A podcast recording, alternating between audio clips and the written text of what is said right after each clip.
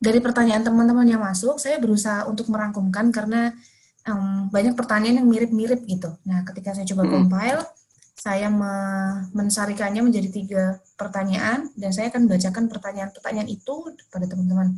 Mungkin ada teman-teman yang pertanyaannya yang dimasukkan dalam form sudah terjawab di materi Pak Samuel tadi ya. Nah, tiga pertanyaan ini adalah yang pertama, mengapa Allah tidak langsung bertindak untuk mengurus orang yang menderita tersebut, tapi malah dibiarkan? Saya bacakan saya lagi. Tiga pertanyaan kan saya bacakan langsungnya. Yang pertama, mengapa Allah tidak langsung bertindak untuk mengurus orang yang menderita tersebut, tapi malah dibiarkan? Terus pertanyaan yang kedua, hmm. apa peran doa kepada Allah di dalam penderitaan? Saya ulangi, apa peran doa kepada Allah di dalam penderitaan? Lalu pertanyaan yang ketiga, bagaimana orang Kristen secara pribadi maupun komunitas dapat berperan dalam mengurangi penderitaan? Pertanyaan ketiga, bagaimana orang Kristen secara pribadi maupun komunitas dapat berperan dalam mengurangi penderitaan? Itu saya coba sarikan, Pak Samuel, mungkin um, ya. bisa menjawabnya okay. sekarang.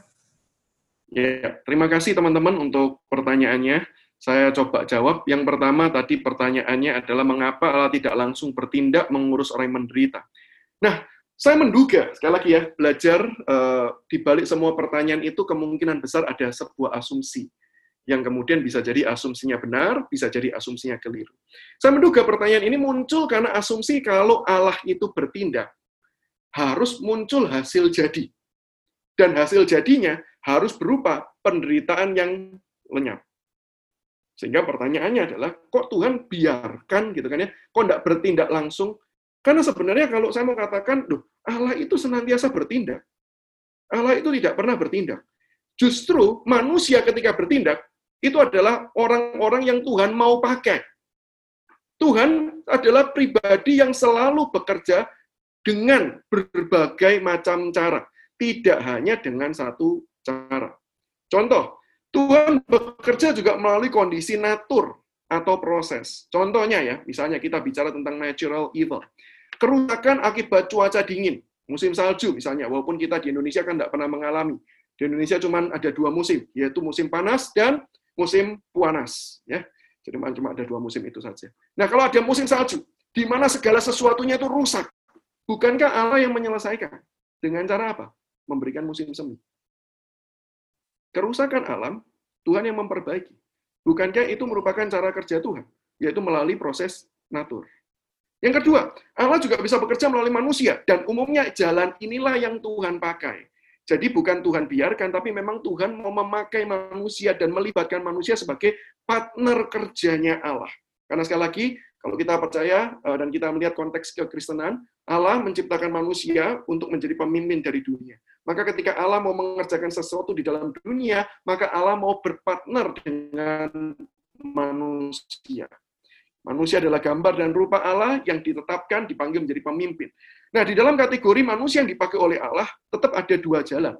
Jalan yang pertama adalah jalan umum, atau yang biasa disebut anugerah umum. Contohnya, ada orang mengalami kecelakaan. Bukankah itu bisa dikatakan sebuah uh, kondisi yang buruk, sebuah kejahatan, atau sebuah penderitaan. Bagaimana cara? Kenapa kok Tuhan biarkan? Tuhan tidak membiarkan. Buktinya apa? Tuhan kirimkan ada orang-orang yang membantu dan menolong. Dalam hal ini Tuhan mau pakai anugerah umum yang ada di dalam hati nurani manusia. Saya percaya hati nurani manusia tidak hancur, tidak lenyap, tidak hilang. Hati nurani manusia memang berdosa, tidak bisa berperan sebagaimana mestinya, tetapi Tuhan bisa pakai itu untuk mendatangkan kebaikan.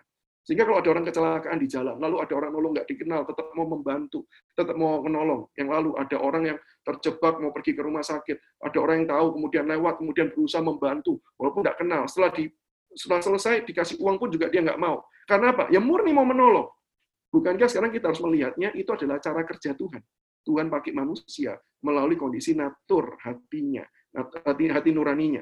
Yang kedua adalah anugerah khusus di mana Tuhan nyatakan providensia Tuhan. Providensia ya, bukan mujizat.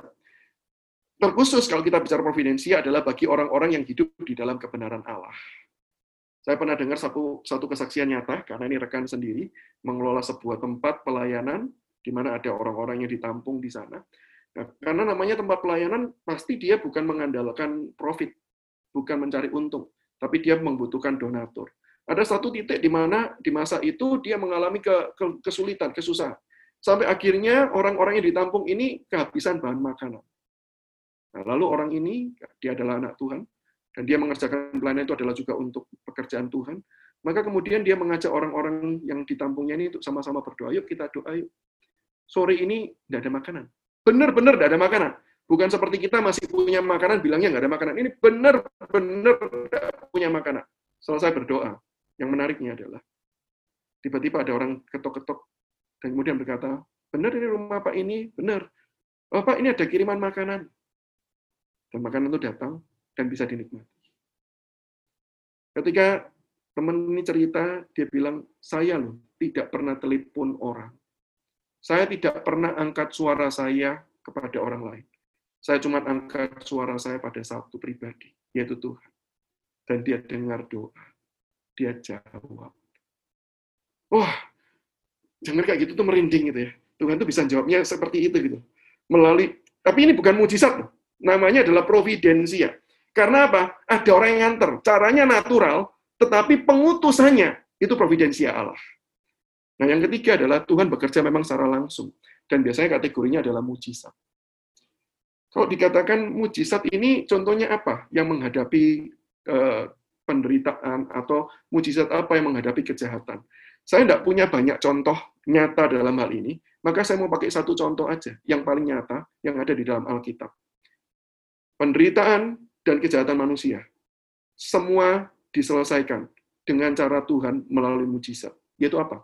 Inkarnasi, kematian, dan kebangkitan Yesus Kristus. Maka saya percaya bahwa Tuhan itu senantiasa bekerja. Cuman caranya macam-macam saja. Nah, kalau ditanya, kenapa kok tidak selalu cara yang ketiga? Kenapa kok tidak selalu dengan cara mujizat? Ya, tidak ada jawaban yang eksplisit memberitahu kita tentang hal ini. Tetapi satu hal yang kita bisa pelajari dari kebenaran Alkitab, Tuhan itu ingin bekerja sama dengan manusia. Karena ketika Tuhan memakai manusia, pada waktu itulah relasi kasih antara Allah dan manusia itu juga terjadi. Di dalam pelayanan, itu bukan cuma tugas Tuhan nyuruh kita, sudah pergi ya kamu pelayanan ya, lalu urusannya orang yang melayani dengan orang yang dilayani. Salah. Ketika Tuhan memanggil seorang pelayanan, sebenarnya pertama-tama yang dilayani adalah orang yang dipanggil untuk melayani. Tuhan melayani mereka terlebih dahulu. Tuhan mengasihi mereka terlebih dahulu. Tuhan beranugerah kepada mereka terlebih dahulu. Dan bukankah di dalam hal tersebut relasi itu terjadi? Relasi itu terbangun. Dan bukankah itu yang indah? Daripada Tuhan cuma menjadi seperti mesin ATM, di mana kemudian selesai urusan kita tinggalkan.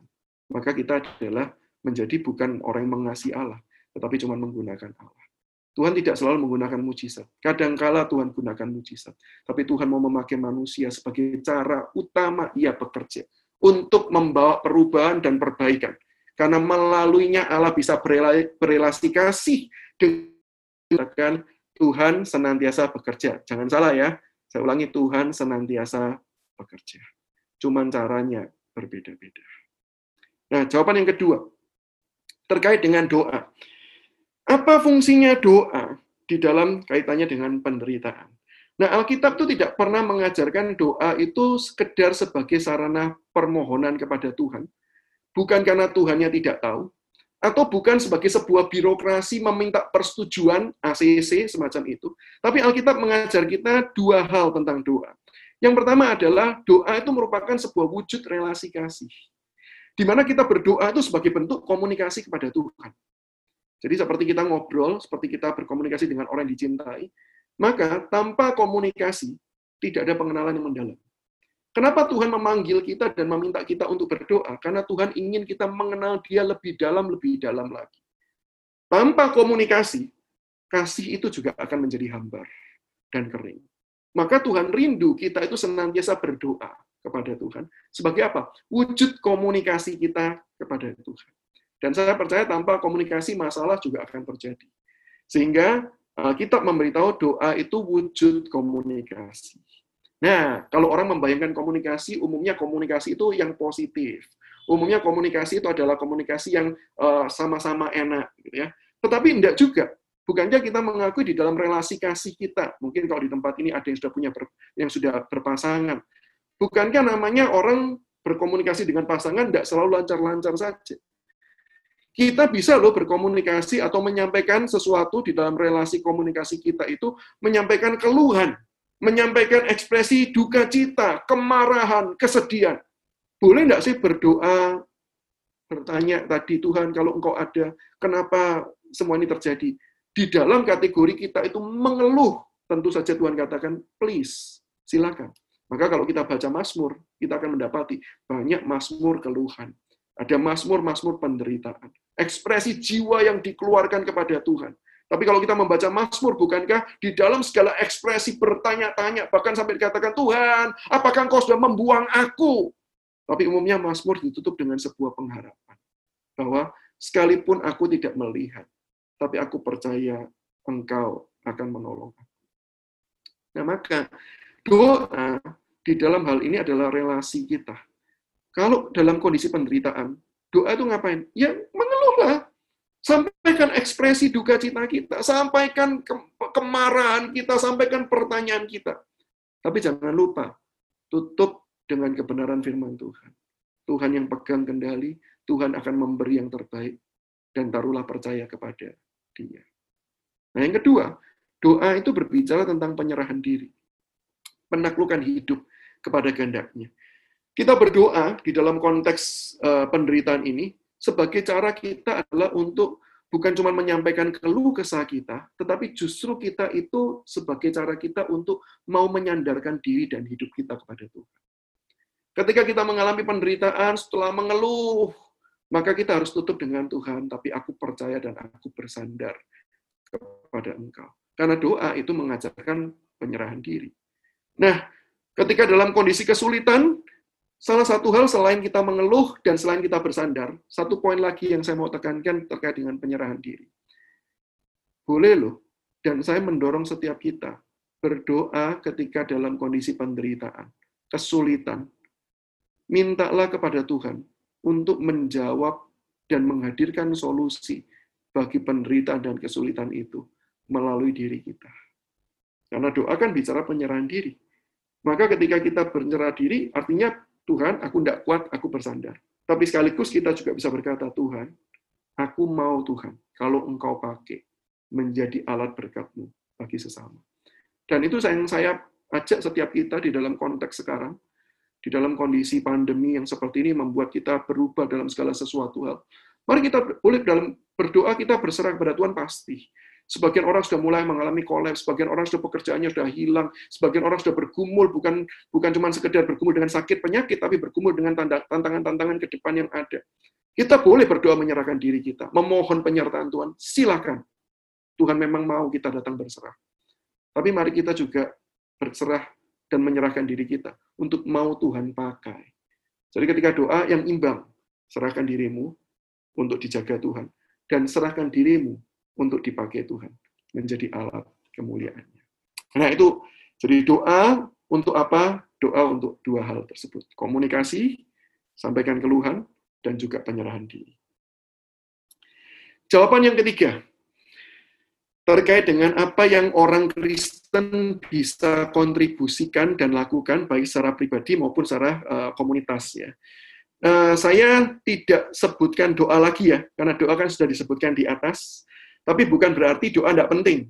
Bukan berarti doa juga klise. Enggak, saya tidak mengatakan doa itu klise. Salah. Doa bukan sesuatu hal yang klise. Tapi saya mau katakan beberapa prinsip umum untuk kita berkontribusi di tengah kondisi sulit. Yang pertama, saya mengajak setiap kita untuk berkontribusi, kita mulai dengan pengakuan dosa.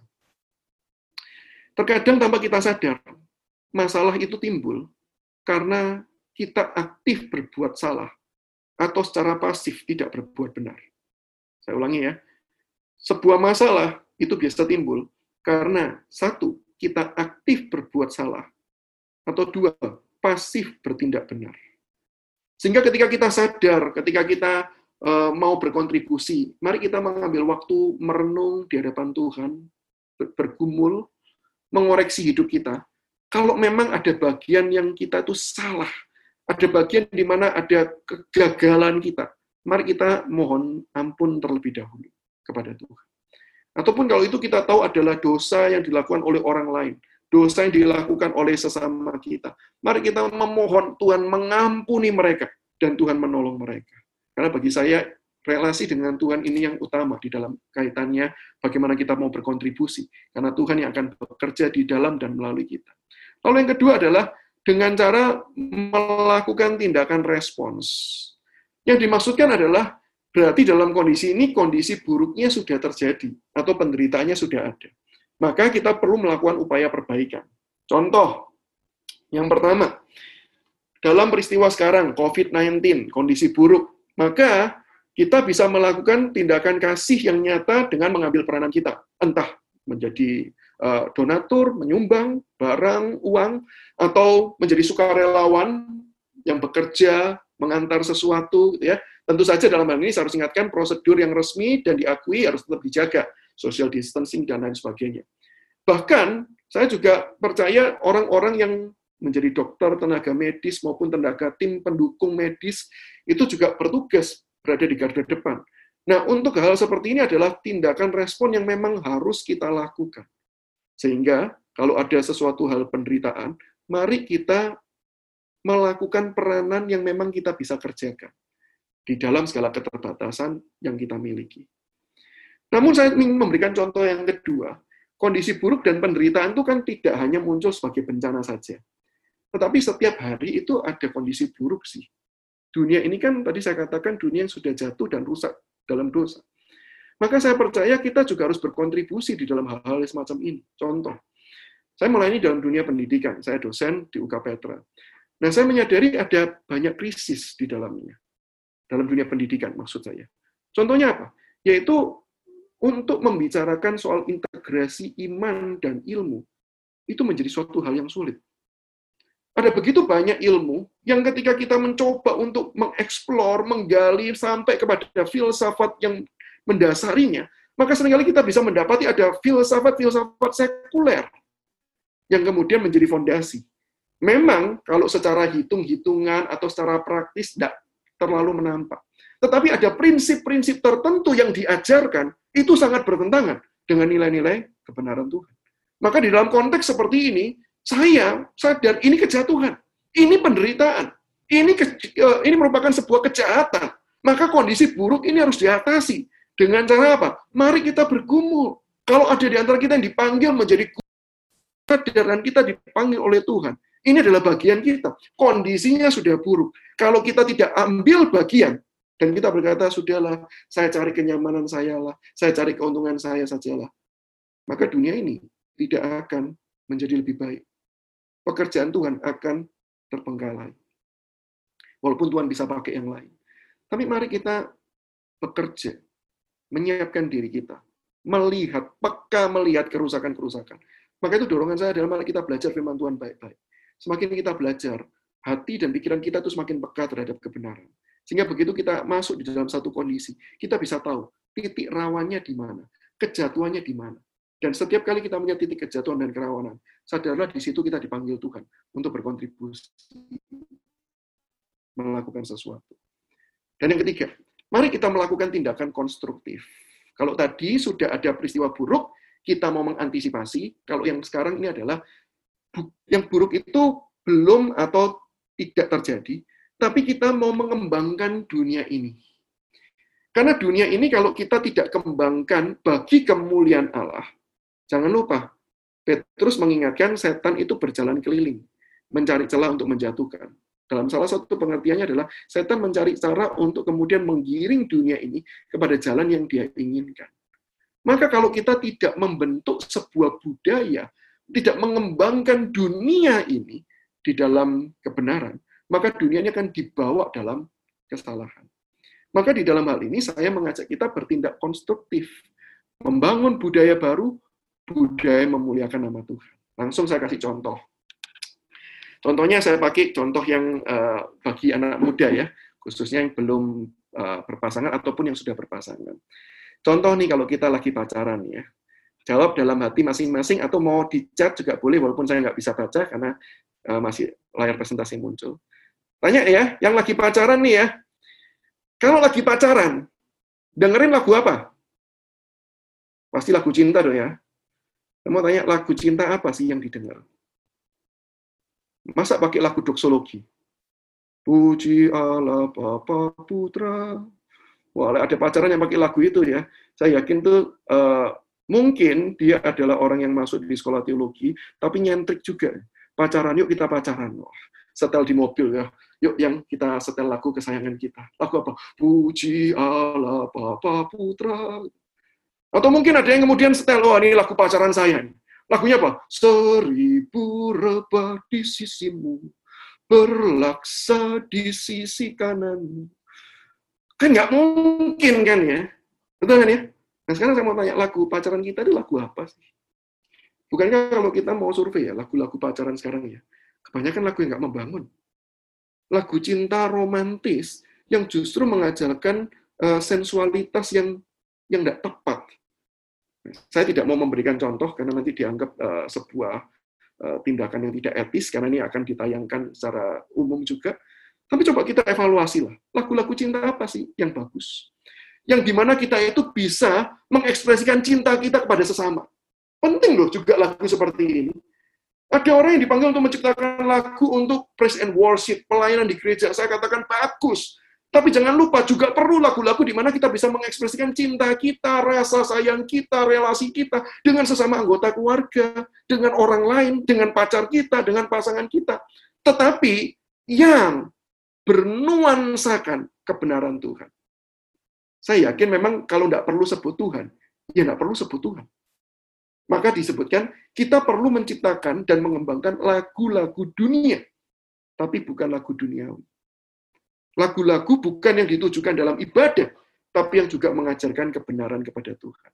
Nah, hal seperti ini adalah panggilan kita. Bagi yang bisa menciptakan musik, dan bagi yang bisa menyanyi, menyanyikannya. Tolong jangan yang nggak bisa nyanyi ikut nyanyi ya itu akan membuat suasananya berubah. Bukan jadi suasana romantis, tapi itu menjadi suasana lebih buruk daripada kedukaan. Nah, hal seperti ini yang perlu kita lakukan sebagai orang percaya ketika kita hidup di dalam dunia yang jatuh. Ingat dunia sudah jatuh, tapi Tuhan panggil kita untuk membawa kemuliaan Allah. Sehingga pada akhirnya di bumi ini sama dengan yang di surga. Kira-kira jawaban itu yang bisa saya berikan. Oke, sekian dari saya. Terima kasih. Saya kembalikan pada Bu Tian. Terima kasih Pak Samuel atas materinya malam hari ini. Saya percaya teman-teman pasti di sini lagi penuh banget. Saya percaya dalam proses uh, pembelajaran itu harus ada pengendapan dulu. Jadi teman-teman tadi udah take notes. Tadi saya ulangi lagi pesan dari Pak Samuel kalau teman-teman uh, punya pertanyaan uh, ke aplikasi Yesiis, di tengah ada tombol chat dan itu akan nanti teman-teman akan ngobrol dengan kami semua. Oke, okay.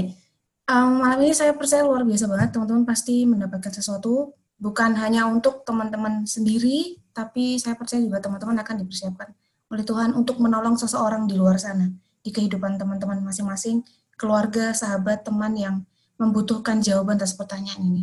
Jadi malam ini coba teman-teman renungi bahwa dalam doa apa yang bisa teman-teman lakukan untuk uh, seseorang di luar sana. Nah, tadi saya sudah tulis di chat akan ada challenge buat teman-teman. Jadi kalau webinarnya sih pasti ada challenge. nah, sebentar saya akan puterin satu video, judulnya adalah Tom and Greg. Video ini ada di aplikasi YCIS. Saya akan challenge teman-teman untuk share video ini ke seseorang atau ke sosial media teman-teman dan ajak seseorang untuk ngobrol berdasarkan video yang barusan teman-teman bagikan. Saya akan coba kasih lihat videonya sama teman-teman sebentar ya, semoga bisa.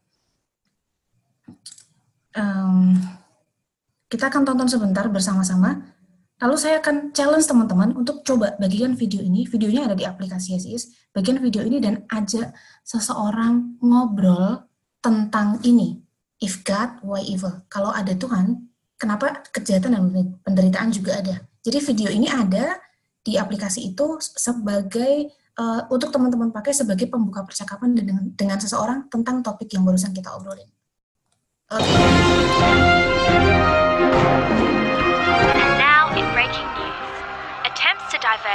Massive meteorite that is speeding towards the Earth have failed.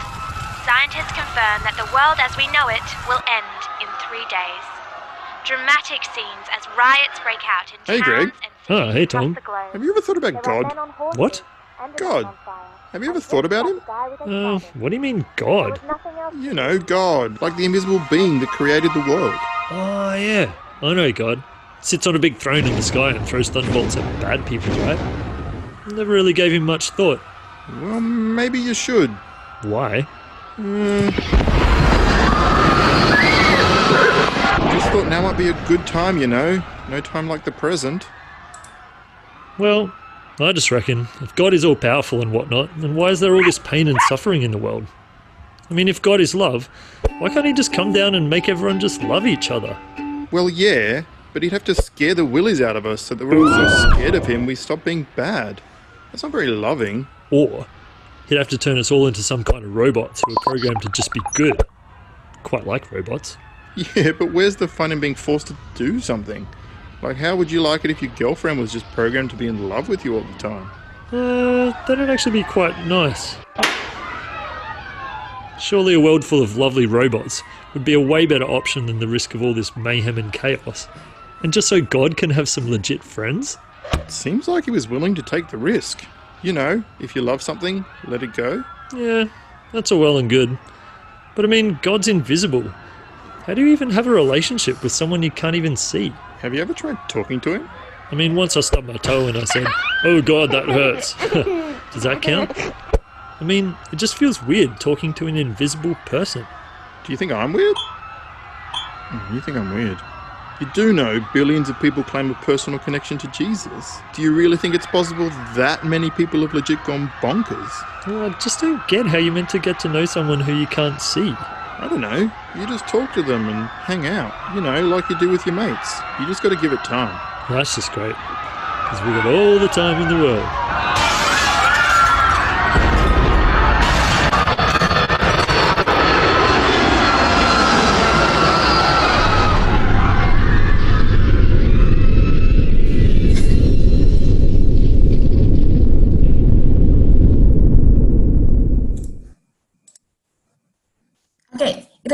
Videonya. Jadi apa yang perlu dilakukan dengan video itu, aku mau challenge teman-teman untuk ayo ngobrolin topik ini dengan seseorang, mungkin teman atau keluarga kamu.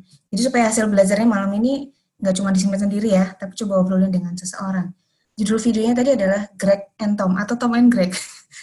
Greg and Tom. Kalau eh, kalian ketik di aplikasi YesIs, eh, pasti ada. Itu aja teman-teman mungkin semua pertanyaan. Kalau teman-teman ada pertanyaan baru, saya encourage teman-teman untuk kalian boleh tanyain di Instagramnya Apologetika Indonesia atau lewat chat dengan tim YesIs di dalam aplikasi YesIs. Eh, Oke, saya rasa ini aja buat webinar YesIs yang ketiga malam hari ini. Saya bersyukur banget sampai terakhir ini, sampai ke challenge, ada masih ada 115 orang bergabung dengan kita. Saya berharap kebenaran ini tidak kita simpan buat diri kita sendiri, tapi teman-teman adalah em, pembawa pesannya Tuhan untuk untuk orang-orang yang lain.